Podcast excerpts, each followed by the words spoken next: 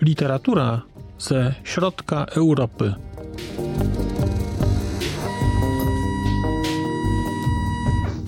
Podcast około książkowy.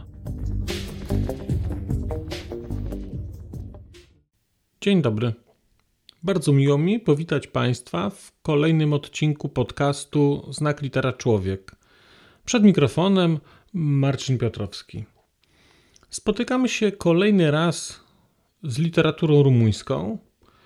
Tym razem naprawdę z literaturą, literaturą, bo poprzednio omawiałem książki historyczne, a dzisiaj książka, która jest beletrystyczką, książka, która jest trochę powieścią historyczną, ale też nie do końca. Dlatego, że chciałem dzisiaj opowiedzieć Państwu o książce Filipa Floriana Dni Króla. Książka została wydana e, w serii prozy rumuńskiej przez wydawnictwo Amaltea. I to jest książka nie taka bardzo nowa, bo ona ukazała się w Polsce w roku 2016, a e, wersja oryginalna ukazała się w roku 2008, czyli ta książka parę lat już ma i w ogóle tego po, po lekturze nie widać. E, ja czytałem książkę, bo tylko taka jest czytałem książkę w przekładzie pani Radosławy Janowskiej-Laskar i y, no, o tym przekładzie będę jeszcze dzisiaj mówił. Na razie tylko zaznaczmy, że jest to, że jest to ten przekład. Wspomniałem na początku, że jest to książka do pewnego stopnia historyczna, powieść historyczna. I do pewnego stopnia tak. Dlatego, że historia, która jest w tej książce opisana, to jest historia, która rozgrywa się na przestrzeni kilku lat pod koniec XIX wieku w Rumunii, konkretnie w Bukareszcie. Są minimalne odniesienia do jakichś akcji, które wydarzają się wcześniej, ale to jest raczej takie wprowadzenie do głównej akcji książki. I głównym bohaterem jest, e, czy głównym, no powiedzmy głównym, tytułowym bohaterem jest król. Y, król Karol I.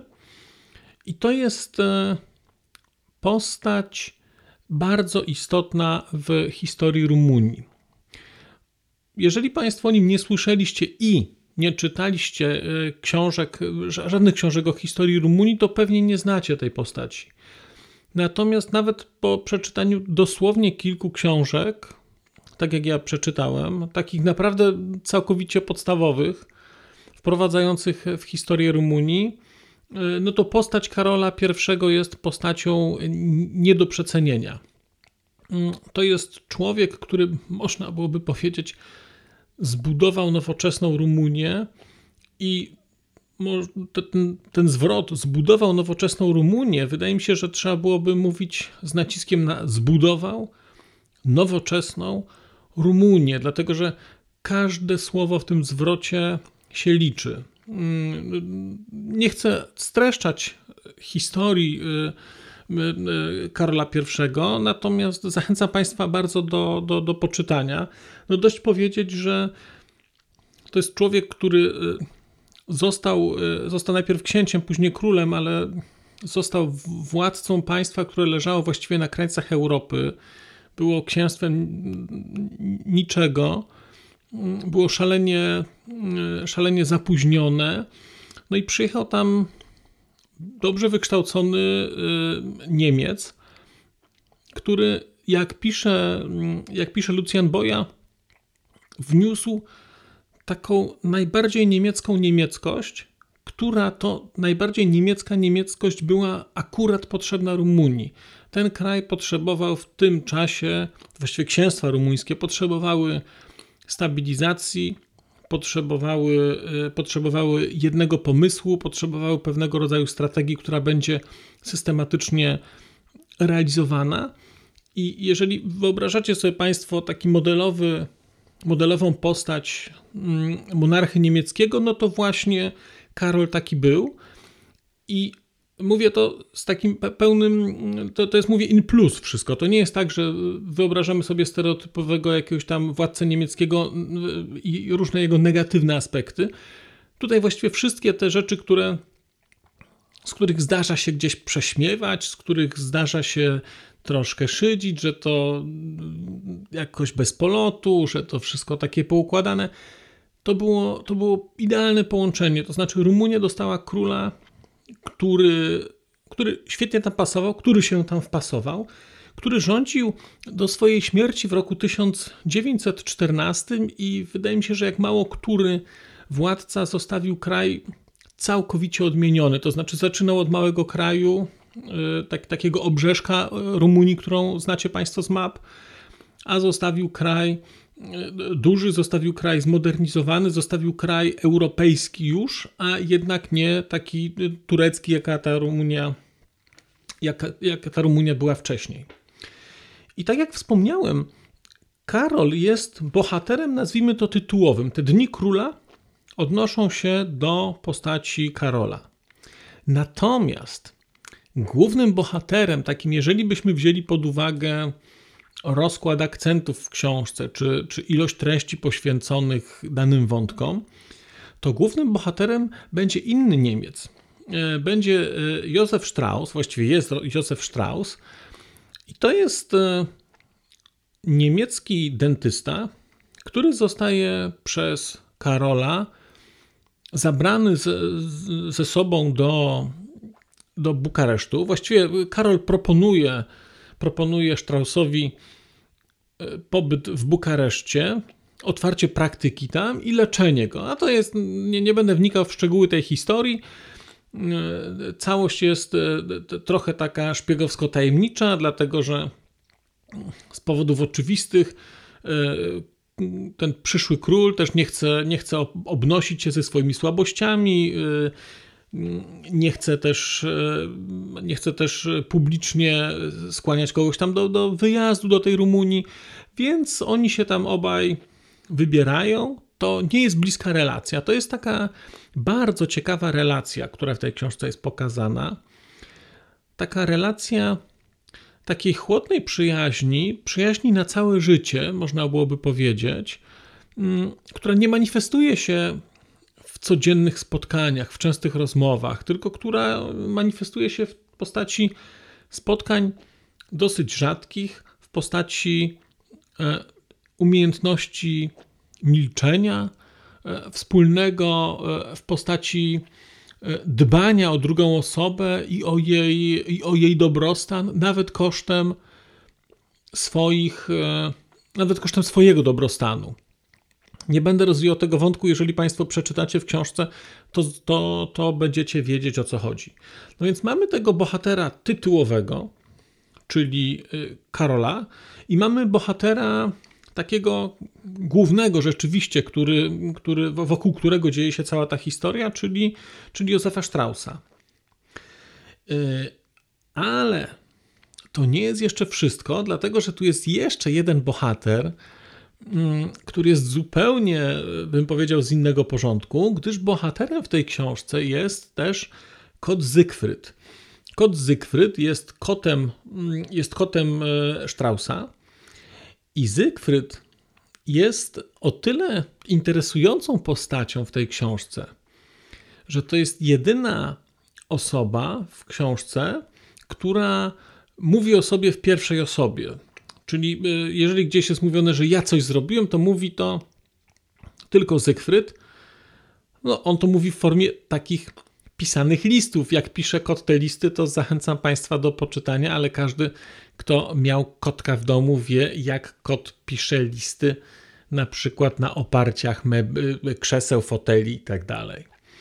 E, oczywiście są też jeszcze tutaj takie pojedyncze fragmenty pisane w pierwszej osobie, bo to, jest, to są też fragmenty listów, jakieś takie mm, y, Karola, właściwie konkretnie jednego listu, ale można byłoby powiedzieć, że ta historia, która jest w tej książce opowiadana, jest opowiadana z perspektywy Karola, z perspektywy Straussa i z perspektywy Zygfryda. I powiedziałbym, że ta książka jest szalenie ciepła. Ja dawno nie czytałem, dawno nie czytałem czegoś, co byłoby takie proste, co byłoby taką pochwałą prostego życia, pochwałą takiej nie wiem, uczciwości, e, pochwałą po, poprzestawania na małych rzeczach, pochwałą zwyczajności, a ta książka właśnie taka jest. Dlatego, że bohaterowie tutaj są do bólu zwyczajni. To znaczy, Strauss nie jest, nie jest jakimś wyjątkowym człowiekiem. Jest zwyczajnym dentystą, który ma swoje tam problemy, mm, który, mm, który te, też ma swoje słabostki, który w tym Bukareszcie zaczyna funkcjonować, który się tego Bukaresztu i kultury rumuńskiej uczy. I całość jest, to jest taki opis właściwie życia codziennego. To jest przepięknie pokazane. Dlatego i, i, mam takie wrażenie, że to ogromną zaletą tej książki jest pokazanie, nazwijmy to takiego procesu modernizacji Rumunii, procesu zmiany, która zachodzi na przestrzeni kilku, dużych kilku albo małych kilkunastu lat e, po przyjeździe do Bukaresztu. Widzimy, jak ten Bukareszt się zmienia, jak zmienia się, jak kończą się wpływy tureckie, zaczynają się wpływy zachodnioeuropejskie. E, widzimy to po zmianach takich e, zachowań ludzi, po, po tym, jak zmienia się sposób umawiania na na, na randki, czy właściwie nie na randki, tylko na spacery wtedy jeszcze bardziej. Mm, jak pojawiają się pewne zdarzenia e, takie polityczne, wydarzenia polityczne, które gdzieś mają e, taki mocno europejsko-nacjonalistyczny charakter. Mm, widzimy to po zmianie relacji poddany-władca. E, Jest mnóstwo takich rzeczy, które w tej książce się, się mają miejsca, i one pokazują tę historię, która się wydarza ale ona się wydarza nie przez duże wydarzenia, tylko ona się wydarza w postaci małych rzeczy, które, które gdzieś widzimy. I na końcu widzimy inny kraj niż ten, do którego, do którego y, Strauss i Karol I przyjechali. I to, co tu się udało perfekcyjnie zrobić, to udało się pokazać tę przemianę, ale jednocześnie udało się to i autorowi, i mam wrażenie przede wszystkim tłumaczce nadać temu taki charakter takiej opowieści na poły bajkowej. Ta książka jest niespieszna. Ta książka jest momentami e, przesycona takim bardzo delikatnym humorem, takim dystansem trochę do, do wszystkiego.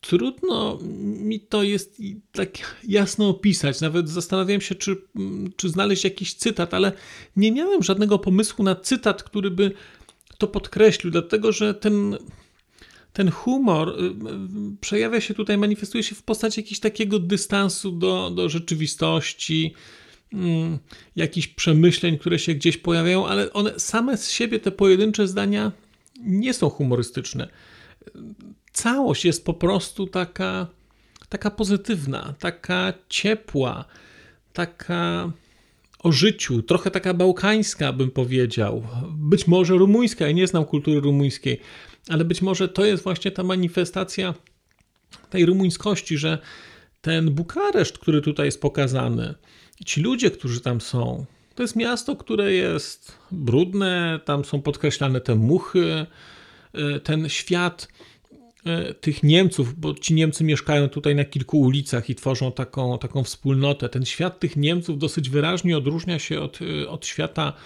e, Rumunów, ale to w ogóle to odróżnienie nie jest pejoratywne. To znaczy widzimy, że ten świat jest, świat Rumunii jest światem, nazwijmy to zapóźnionym, światem trochę, który przyspał ileś lat i teraz gdzieś jest z tyłu. I w ogóle tu nie ma oceny. Mm, nawet widzimy mm, pewne takie zalety tego, rodzaj takiej, takiej pewnego rodzaju takiej uczciwości, pewnego rodzaju takiego też dystansu do tej nowoczesności. Mm, I to jest, i to jest niesamowite. I to jest niesamowicie. Znaczy miałem, jak, jak czytałem tę książkę, to miałem takie. Miałem nadzieję, że ona się prędko nie skończy. Jednocześnie e, miałem też obawy, że ona będzie za bardzo słodka, w którymś momencie, ale nie była. Mm, dlatego, że tutaj też są zdarzenia, które są takie gorzkie, które są smutne, ale sposób napisania tej książki powoduje, że to jest taki, nie wiem jak to powiedzieć, taka pozytywna melancholia, taki, no po prostu takie zdarzenia mają miejsce, ludzie umierają, coś się rozlatuje. Na końcu to wszystko i tak i tak mm, prze, przemienia się na dobre, znaczy to się dobrze kończy gdzieś tak nazwijmy to. E, można takiego skrótu użyć chyba myślowego. Jak to w bajce. I to jest, i to jest wspaniałe. Ja mówię, dawno nie czytałem takiej książki. Ostatnio e, czytałem kilka książek pod rząd, które były, nazwijmy to, bardzo osadzone w rzeczywistości. One były bardzo realne i były też takie może nie przejmująco smutne, ale takie trochę jak rzeczywistość. No, tam nie było miejsca na, na, na radość specjalnie. A, ten, a te Dni Króla nie są może opowieścią o radości, ale są opowieścią o, o cieszeniu się życiem, o miłości, o odkrywaniu smaków, y, o spełnianiu się jako ojciec, o spełnianiu się jako lekarz, y, jako król całość tworzy taką bardzo, bardzo, jak dla mnie, wyjątkową, wyjątkowe 200 stron takiej pozytywnej opowieści. Nie wiem, czy to jest książka do ładowania akumulatorów. Nie wiem, czy bym, bo zastanawiam się, czy tak, ją, czy tak o niej mówić. Wydaje mi się, że nie. Ale mam wrażenie, że jak się weźmie tę książkę i się ją poczyta, to, to człowiek się będzie gdzieś pod nosem trochę uśmiechał. I to nie będzie się śmiał, tylko będzie się po prostu uśmiechał, bo ta książka Mm, ta książka taka właśnie, taka właśnie jest. Mm, powróciłbym jeszcze do kwestii tłumaczenia tego przekładu, bo wspomniałem już o tym takim, powiedział, mm, głównej tej osi, tym, tym takim smaku tej książki. Ale tu jest jeszcze jedna rzecz fantastycznie zrobiona. I fantastyczna jest ta postać, y, postać Zygfryda. Otóż Zygfryd, kot Zygfryd, on mówi, no właściwie pisze te listy komentuje rzeczywistość, czyli opowiada coś, co się gdzieś tam wydarza. Natomiast udaje się tutaj autorowi uniknąć banału, bo znam takich sporo takich książek, gdzie komentują zdarzenia zwierzęta i te zwierzęta mają, jakbym powiedział, ludzką świadomość taką. Więc sobie tam opowiadają, co widzą, ale de facto wcielają się w rolę ludzkiego narratora, tylko to jest na, na, narrator na przykład jakiś nie, no, niemy, niemy, nie może czegoś powiedzieć, więc my go słyszymy tutaj. Natomiast Zygfryd ma bardzo specyficzny sposób narracji. Te jego listy mi gdzieś sposobem, w jaki one są pisane, w jaki one są właściwie wygłaszane, mi to przypominało fragmenty egipskiej księgi, y, księgi umarłych. Mm, to jest, y, to są takie rozbudowane zdania, w takim, napisane w taki charakterystyczny sposób, mm, z lekką taką emfazą, E, on się tam zwraca do mojego pana, że mój pan e, coś tutaj zrobił. Natomiast to są takie większe bloki tekstu, bo to są te, te listy Zygfryda, to są, one mają czasami trzy strony. No nie ma tych listów dużo, przez całą książkę jest ich kilka, ale one mają tak półtorej strony, czasami trzy, czasami cztery. I to, o ile dobrze pamiętam, w każdym przypadku jest jedno zdanie. Jest to taki, nazwijmy to, nazwałbym go quasi strumień świadomości. Quasi, dlatego że no są tam znaki interpunkcyjne, to znaczy są przecinki, są wielkie i małe litery. E, I czyta się to dużo łatwiej niż jak porównuję sobie do strumienia świadomości, które, e, które miałem e, przyjemność spotkać u Joyce'a chociażby no to strumień świadomości Zygfryda jest dużo łatwiejszy w odbiorze i wiadomo o co w nim chodzi, mimo że nie ma znaków interpunkcyjnych. I tutaj chylę czoła przed, przed tłumaczką, bo udało się temu kotu nadać całkowicie inny charakter języka. To znaczy, nie tylko języka, on też w inny sposób w ogóle myśli, on w inny sposób postrzega świat, w inny sposób go opisuje. Mm, y, on się zwraca e, też do swojej takiej e, miłości kociej, bo on ma swoją kocią miłość, taką, która się przewija przez całą książkę. E, ta kotka się nazywa, spróbuję to przeczytać, Mana Stamir Florinda. Mana Stamir Florinda, o właśnie. Mm, I ten kot jest to też jest taka nieoczywista przyjaźń, z, tak, taki związek z, z, ze Straussem. Bo Strauss do tego kota mówi, wie, że kot nie rozumie, tak twierdzi, ale on do niego mówi, radzi się go, mimo że kot nie potrafi odpowiadać. Mm, I, i w ogóle tak sobie myślę o tym teraz, że, że całość Dni Króla to jest taka historia o takich o takich nieoczywistych związkach męskich, bo są tutaj też związki męsko-damskie, ale nieoczywistość tych związków męskich jest interesująca. To, jest, to, są, to są historie o takiej męskiej przyjaźni, mm, chociażby tego głównego bohatera, e, czyli Józefa Straussa i Karola I, i przyjaźń między, e, między Józefem a, a Zygfrydem. No, bardzo, bardzo to jest ciekawe i mówię, chylę czoła tutaj zarówno przed autorem za, mm, za pomysł, ale też e, przed tłumaczką, której udało się wprowadzić dwie zupełnie różne narracje i ten język koci jest, jest po prostu całkowicie inny i to są te, te, te, te, te fragmenty tej kociej mowy, tego kociego postrzegania świata, nie tylko mowy, kociego postrzegania świata, kociego rozumienia mm, pewnych rzeczy dookoła, zastosowania kociego sposobu mm, postrzegania czy nazywania rzeczy do opisywania e, zjawisk ludzkich. Są, są w ogóle fantastyczne i takie właśnie, to są, wydaje mi się, to są też te elementy, które wprowadzają taki rodzaj, nie chcę powiedzieć, że humoru, bo to nie jest śmieszne, ale takie, no człowiek się po tym pozytywnie czuje, znaczy to się czyta, to się człowiek pod nosem uśmiecha i czuje się, mm, i czuje się bardzo, bardzo pozytywnie.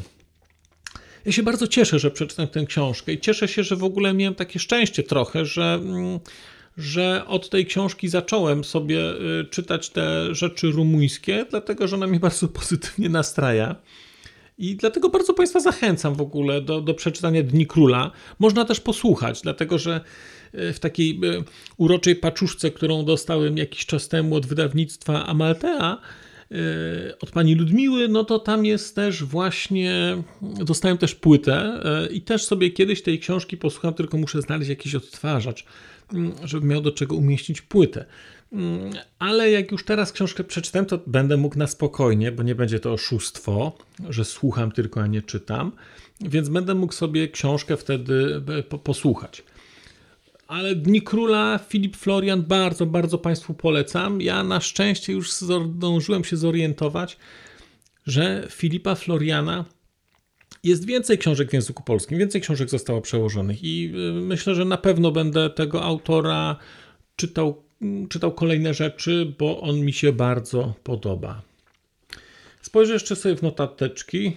Aha, jedna rzecz ta książka, jedna rzecz, o której zapomniałem, ta książka ma fantastyczny, rewelacyjny komentarz historyczny.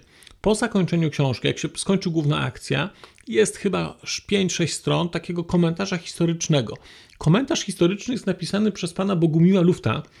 I Bogumił Luft jest, e, on się już u mnie pojawiał, bo to jest tłumacz e, e, książek Adriana Ciorojanu, ale Bogumił Luft jest dyplomatą i był ambasadorem Polski w Rumunii, więc i ten komentarz jest znakomity, dlatego że jak przeczytacie Państwo książkę, i mi akurat było już, ponieważ cokolwiek wiedziałem o historii Rumunii, więc potrafiłem te nazwiska sobie gdzieś tam zmapować. Te rzeczy nie mają w trakcie lektury żadnego znaczenia, bo, bo, bo to jest historia, jest, to, to jest historia o ludziach, nie o polityce, która się tu pojawia. Mm, ale jeżeli się potem przeczyta ten komentarz historyczny, to to jest, e, to, to jest świetne uzupełnienie tej książki, bo to wszystko wyjaśnia mm, i wprowadza taki kontekst, tego króla osadza w takim, w takim kontekście realnych zdarzeń. Zastanawiałem się, czy nie polecić czytania go Państwu na początku, przed książką, ale potem stwierdziłem, że nie byłoby to dobre jednak, dlatego że pewne rzeczy będą dla Państwa zaskoczeniem. Wydaje mi się, jeżeli nie znacie historii Rumunii i historii Karola. Mm, a tutaj, jak dowiecie się na początku, ktoś nam streści de facto, jak wyglądało to jego życie, no to, no to później mm, ilość rzeczy, ilość rzeczy w, w trakcie książki no nie, nie, będzie, nie będzie elementu zaskoczenia, takiego suspensu. Więc bardzo, bardzo Państwu polecam, bo ta książka i dobrze robi na głowę, i jest fajnie napisana, i jest pięknie przetłumaczona, i jeszcze y, to jest taka literatura, z której się można czegoś nauczyć o, o historii kraju, który jest dosyć odległy od nas, a mam wrażenie, że jednakowoż całkiem bliski. Bardzo Państwu dziękuję e, za y, posłuchanie. To na, ty, na dzisiaj to, to wszystko. Mm, powrócę do Państwa wkrótce z kolejnymi książkami. Tymczasem e, mówię do usłyszenia przez mikrofon. Mówił do Państwa Marcin Piotrowski. A już zupełnie na koniec powiem, że skoro wysłuchaliście Państwo tego odcinka, to w jego opisie znajdziecie link do serwisu YouTube. W wersji YouTube'owej e, jest miejsce na skomentowanie go. To jest takie miejsce, gdzie można komentować ten odcinek, rozmawiać, zadawać pytania, wymieniać się spostrzeżeniami, do czego Państwa bardzo zachęcam, gdyż udało się już na tym YouTubie zgromadzić trochę bardzo ciekawych osób, bardzo ciekawych komentarzy i trochę stworzyć taką społeczność ludzi rozmawiających o książkach. Też na koniec, zupełnie na koniec, e, poproszę Państwa o wystawienie oceny mi w ramach e, tych platform podcastowych, na których Państwo tego odcinka wysłuchaliście. I nieważne jaka ta ocena będzie, istotne dla mnie po prostu, że będzie. Tymczasem się żegnam już naprawdę i do usłyszenia za czas jakiś.